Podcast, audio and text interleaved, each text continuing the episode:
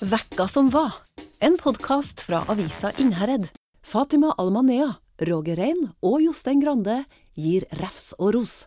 Ja, da er vi på plass, og i dag så har vi med oss ei som vi har hatt med oss før, men du sitter ikke sammen med oss, Fatima? Nei, i dag sitter jeg i Mosul, og det har jeg nå for så vidt gjort siden august i fjor. Så nå begynner jeg å savne heimen min. Ja. Du må fortelle oss og lytterne uh, Mosul hva du gjør der. Ja, For dem som har lest Innherred og for øvrig andre avisene i regionen, har kanskje fått med seg at jeg har valgt å flytte til Mosul for et år. Primært for å jobbe med, videre med Gnist bistand, eh, som jeg og en gjeng stifta for eh, to år siden. Eh, jobben til Gnist bistand er å bistå folk med å klare seg på egen hånd eh, gjennom å skape arbeidsplasser. Så det har jeg i korttekst gjort da, siden august i fjor. I tillegg så har jeg hatt en, eh, lite, et lite sideprosjekt. Og det er nå litt av den mer private karakteren, da, men jeg har nå etter omsider, vil noen si, blitt, eh, blitt kone. Ja, du gifta deg faktisk. Gifta deg, vet du. Men gratulerer så mye. Gifta vet du. Fra, med en fra Mosul. Ja. Og, og ja, vi kommer tilbake til når du kommer tilbake, men, men hvordan er livet i Mosul akkurat nå? Det er veldig annerledes fra min hverdag i Norge. Samtidig så er det mye likt. Jeg er mye ute og mye farte, treffer mye folk. Eh, men det er i en annen kontekst. Eh, det er med andre rammer. Men det er fortsatt mye å holde fingrene til. Det, er, altså, det, det irakiske samfunnet er jo ja, for å si det forsiktig, litt mer konservativt enn det norske. I tillegg er det kanskje litt flere regler å forholde seg til, gjerne sosialt. Um, men det er men det er fortsatt folk, og det er fortsatt de samme behovene eh, begge plassene. Og det er utrolig interessant og vanvittig givende å holde på med de GNIST-prosjektene som jeg har hatt ansvar for de siste månedene. Men eh, Fatima, det, kan du ikke beskrive hvordan det ser ut litt rundt deg når du går rundt i de områdene? Du, eh, du snakker om der GNIST har etablert eh, samarbeid og, virk, og virksomhet for å få prosjekt i gang. Hvordan ser det ut i de områdene når du går der i dag? Eh, altså, Mosul som helhet er ganske kontrastfylt. Eh, vi må tilbake til 2014 for å på en måte kjenne litt på opphavet til hvorfor jeg sitter her i dag. Eh, I 2014 så invaderte IS byen, tok over byen. Kuppa den mer eller mindre over natta, og innbyggerne, en, en by med tre millioner innbyggere, ble mer eller mindre overlatt til seg sjøl. Eh, gjennom de tre, tre, årene så var det terror, daglig terror når det gjelder både befolkninga, men også altså byen. Ødeleggelser av infrastruktur, av bygningsmasser, av alt du finner eh, i, et, i, en bystad da, som det Mosul er. Ja, I 2017, uh, så etter mye om og men, så bestemte jo de allierte styrkene seg for å bistå i frigjøringskampene av byen. Da hadde jo de nasjonale styrkene i Irak uh, prøvd å nedkjempe dem gjennom år, og ikke klart det. Eh, og Det gjør de bl.a. når de allierte styrkene kommer. så er det Deres hjelp går mer eller mindre ut på å bistå med flyvåpen, luftvåpen, eh, og bombe da, eh, terrormål i Mosul. Eh, og De får til, får til, ganske mye bra. I løpet av kort tid så klarer de å renske byen for terroristene. Eh, men tilbake så står egentlig en, en by i ruiner. En fullstendig ødelagt. Ikke noe av det som vi forbinder med sivilisasjon, står igjen. Eh, og befolkninga er traumatisert og eh, mangler så å si alt. Det er begynner å bli noen år siden 2017 eh, og den fortellinga her, men fremdeles så er det mye av det som, eh, som, jeg har sagt nå som er gjeldende. Samtidig så er det en by med store kontraster. Folk som har tilgang på penger, folk som, har, som er ressurssterke, som har en jobb. Eh, de har klart å komme seg til en viss grad i hvert fall på beina igjen. Eh, enkelte kan, kan, kan, karakteriseres som rik, og de lever, jo i, lever jo i en hverdag som ikke kan sammenlignes med, med 80% da, som egentlig lever under fattigdomsgrensa. Så det er en by med ganske mange kontraster, eh, ganske mange sterke historier og menneske, menneskeskjebner. Men det er òg en by med stort håp, stort pågangsmot og masse energi. Og det, ja, den både, altså Hverdagen her den både gir og tar. Eh, og den balansegangen kan være hårfin noen gang. Mm. Hvordan, sikkerhetssituasjonen i Mosul nå? Den varierer veldig, Roger. Eh, noen, noen, perioder så er det så å si fredfullt, og du merker ikke at du er i en gjennommilitarisert by. Mens andre ganger så hører du flyvåpenet, det tyrkiske flyvåpenet. Du ser eh, hasjstyrker eller militser rundt omkring på gatene. Du blir stoppa tilfeldig eh, og etterspurt dokumentasjon. Eh, eh, og du blir, får stadig spørsmål om hvem du er, hvor du skal, eh, er, hvor er det du bor hen, osv. Og, og, og den formen for kontroll er ikke jeg vant til. Eh, og jeg har jo en natur i tillegg som er ganske ja, opposisjonell, så du kan jo bare tenke deg mhm. hvordan det er å bli stadig spørsmål på hvor jeg skal hen og hvem jeg, hvem jeg forholder meg til. Eh, og det er ikke alltid jeg svarer like hyggelig tilbake, for å si det sånn.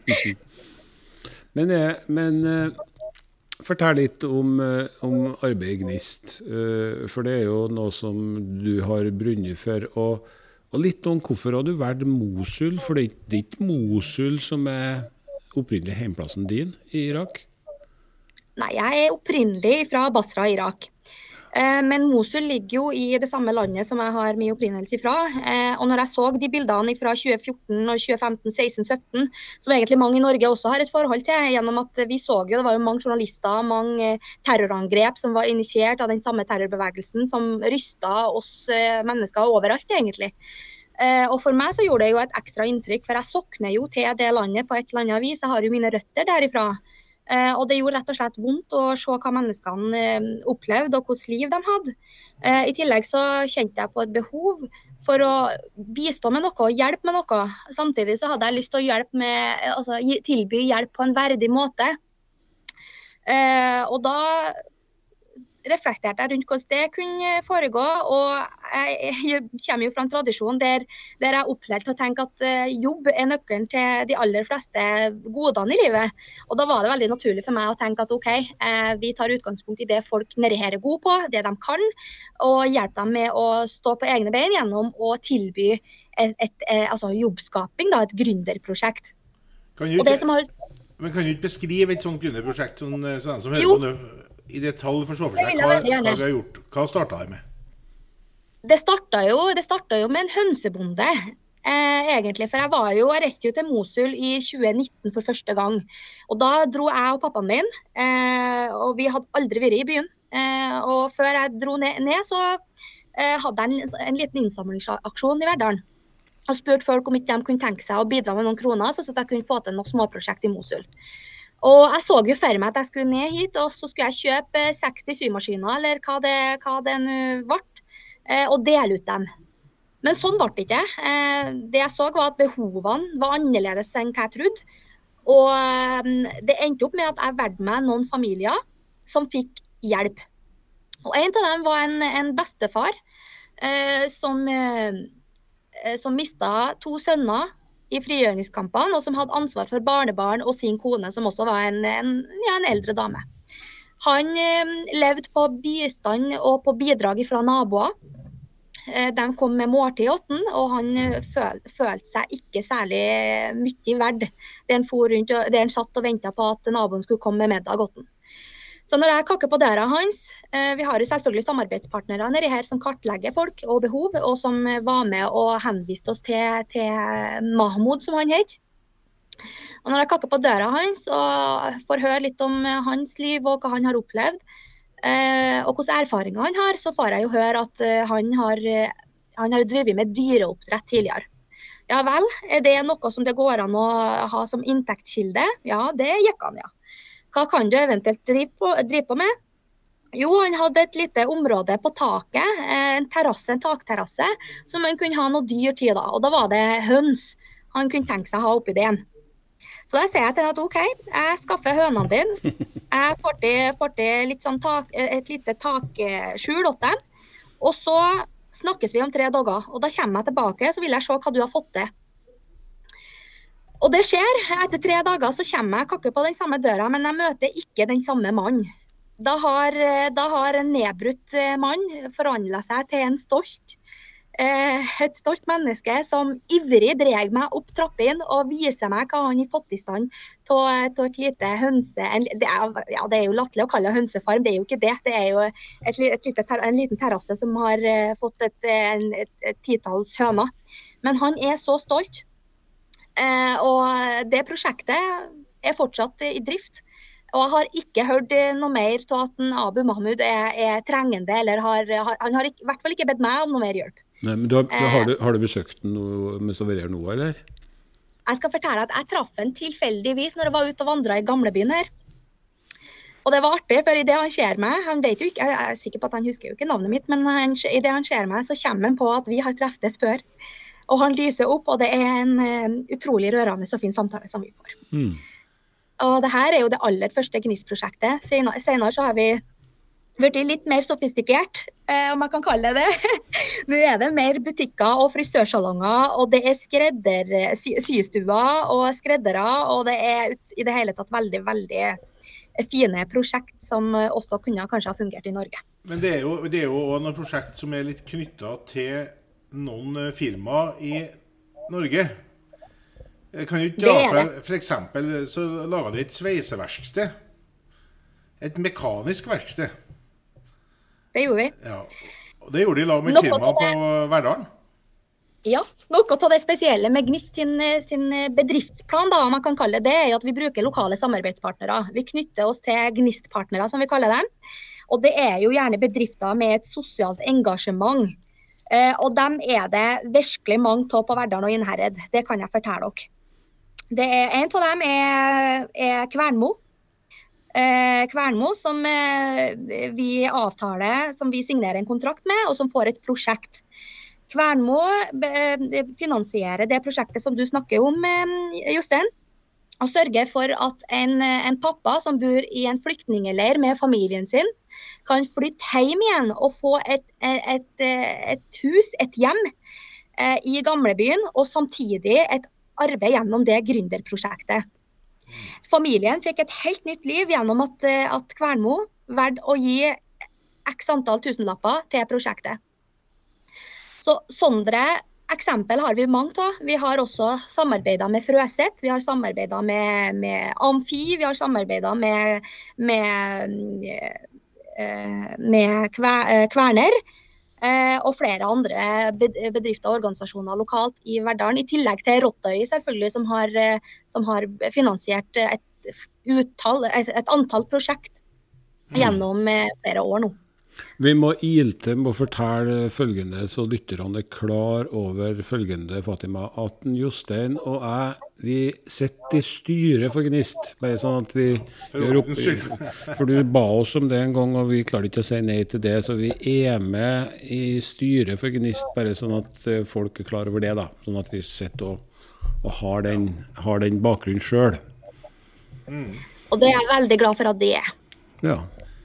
Men det er jo ingen som helst tvil om at selve produksjonen i Gnist, den er det av Fatima som står Ja da, det, det, det, det, er et verk Det er veldig spennende da, å, å, å, få være med på. Og det er jo en og her er jo, her er jo, vel, altså her er jo en type bistand, hvis man kan kalle det det, som er veldig nært på. da, altså Du er veldig hands on.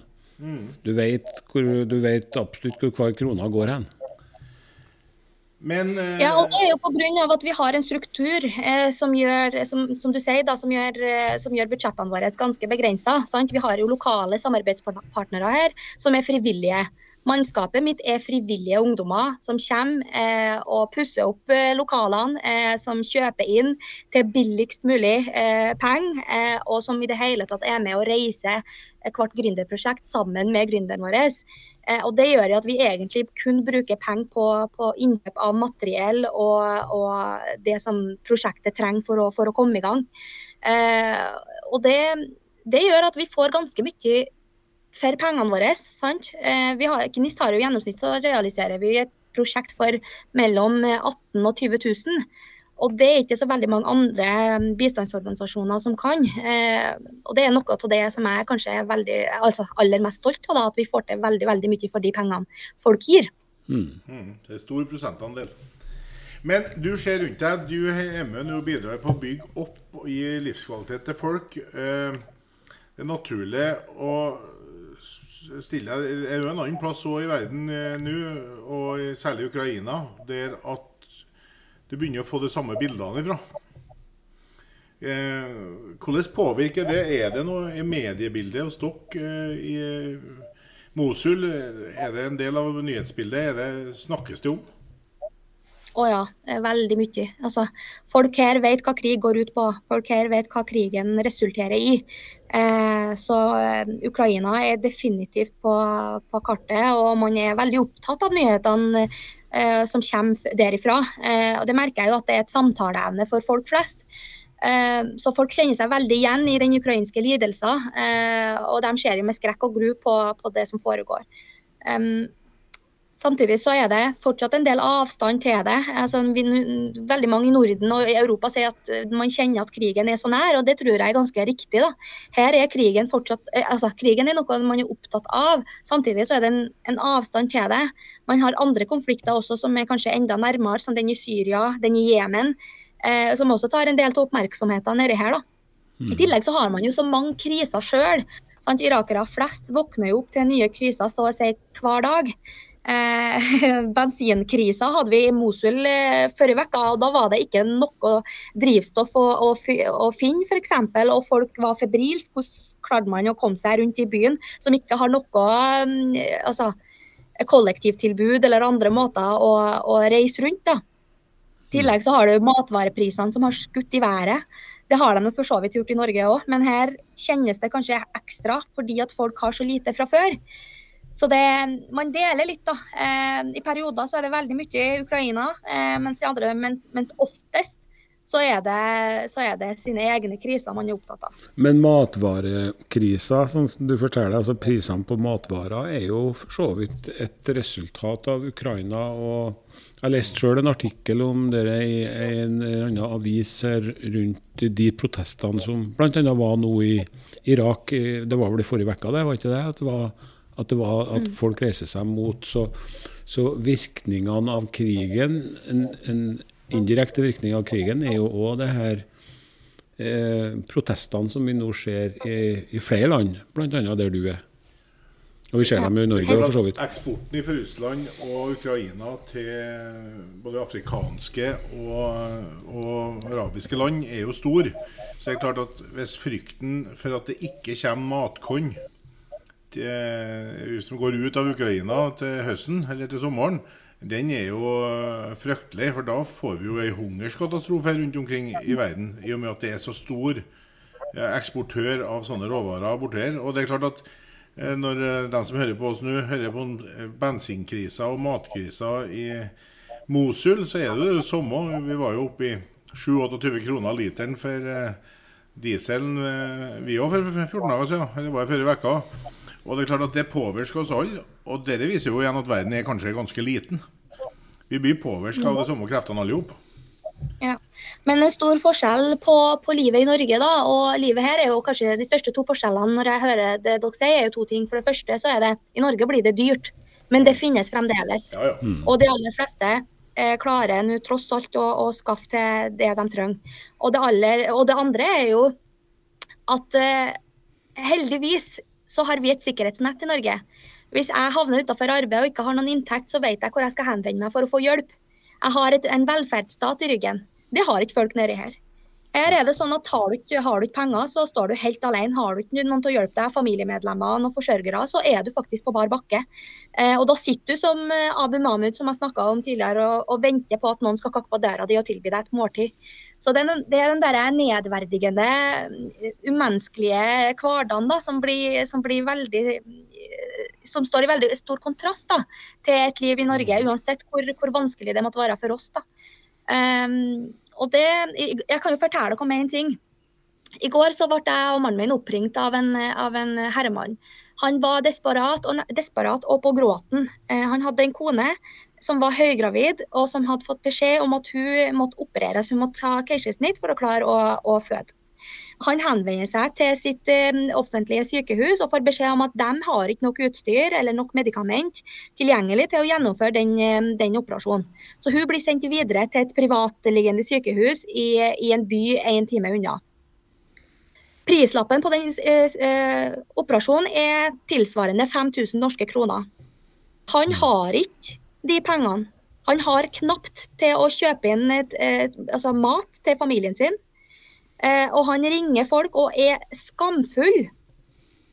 Og veldig prega eh, og spør om noen kan, har, har noen penger å unnvære, sånn at eh, kona hans kan føde. Noe så banalt, noe så, så grunnleggende og noe så vondt eh, er det heldigvis ikke maken til i Norge. Men det er livet for folk her. Eh, og det er vanskelig å kommunisere noen ganger. At, eh, altså man, man, I hvert fall når man ser de store forskjellene. Altså jeg kan få dra til en annen by, eh, Erbil, som er hovedstaden i, i, i Kurdistan, eh, en provins. Der er livet fullstendig annerledes enn det er, enn det er i den byen som jeg bor i for tida. Eh, og klare å forstå at det, de like folk kan leve så forferdelig ulike liv, og ikke ha noe sikkerhetsnett rundt seg. Vi, det er helt uforståelig. Ja, for vi, vi, tar jo, vi som bor i, altså Skandinavia, da, eller i, eller i Vest-Europa egentlig, tar jo litt, vi tar jo veldig mye for gitt vet du, at det er sånn. Men det er jo det store store flertallet av folk på jorda har det jo faktisk sånn som han som da oppsøkte dere i går, at man er nødt til å betale for uh, helt, bana, helt uh, elementære helseting. da. Mm. Uh, jeg har jo reist litt altså, i, i noen østlige land, Armenia f.eks., og, og der har jeg jo møtt, jeg møtt ei dame. Hun var 55-60 år og hadde en ganske alvorlig sykdom. Men hun, hun ville rett og slett hun fant ut at eh, hun ville ikke påføre familien sin belastninger av at hun skulle bli kurert. Nei. Så hun valgte bort kan du si, helsebehandlinga. Uh, og, og, det er hverdagen rundt omkring i verden. Altså, vi, vi, er, vi, vi, vi, må ikke glemme det, hvor heldige vi er, altså. Mm. Det er sikkert, ja. Men det gjør vi, vet du. Eh, og det gjorde jeg òg. Ja. Eh, altså, jeg, hadde ikke, jeg hadde ikke reist ned til Irak på, på 15 år jeg, før jeg først gjorde det. Og, og, før den tid så hadde jeg kun reist til andre privilegerte steder i verden. Sant? Vi var mm. på byferier hit og dit, og det var i det hele tatt eh, glansbilder av livet da, vi fikk se. Eh, så, så, jeg oppfordrer jo alle jeg treffer eh, til å komme seg ut og, og oppleve verden sånn som den faktisk er. da. Eh, og se det store flertallet som du snakker om, Roger, og hvordan folk egentlig lever. For det er noe helt annet enn det livet som vi har i mm. Norge. Mm. Mm.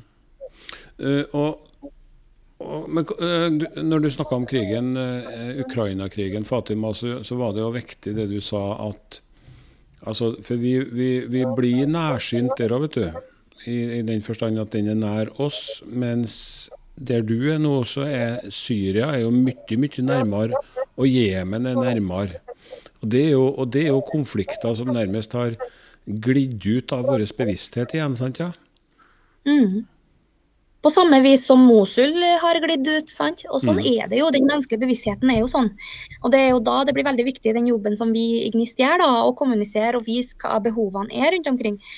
Og så er, er, det jo sånn at det er jo ingen som får til å hjelpe alle. Eh, det er vi nå alle enige om, men alle får til å hjelpe noen. Og det, det ser man. Jeg blir veldig glad når jeg ser engasjementet knytta til Ukraina.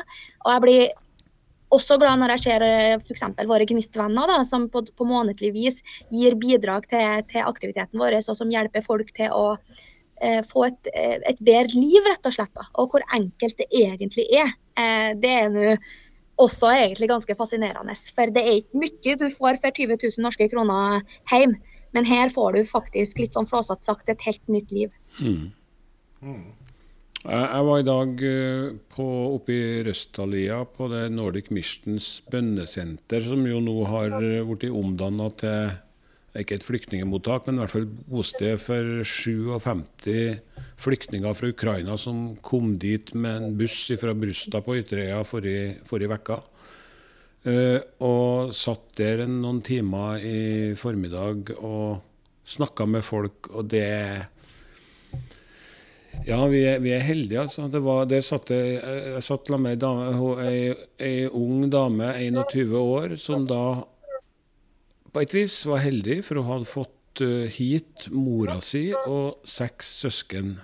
men så har hun en 19 år gammel bror som da er soldat og er i Mariupol, altså den byen eh, som vi har hørt om så mye på nyhetene det siste. Som, så han er soldat i Mariupol, som da er i ferd med å bli beleira.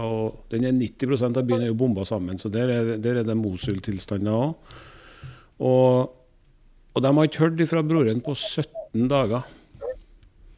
Nei, de vet ikke. Så de vet, Men i går så kom det da en beskjed fra han om at han levde. da. For i den byen så var det så lite nettforbindelse at det var bare anledning for 100 stykker i gangen til å komme seg på nett. Så det var liksom du fikk din tilmålte tid og fikk sende ut nødvendige meldinger når det da først var din tur. Det er òg hverdagen. Altså det er jo verden i dag. Mm. Og de er nær oss da. Her, nå, her, nå er de veldig nær oss da her i Levanger. da. Og, de kommer, og, og, og det bebudes jo nå at det kommer eh, ja, Hvor mange som kommer fra Ukraina, det vet vi ikke. Men eh, statsministeren sa vel forrige kvelden at vi kan kanskje Det kan komme 100 000.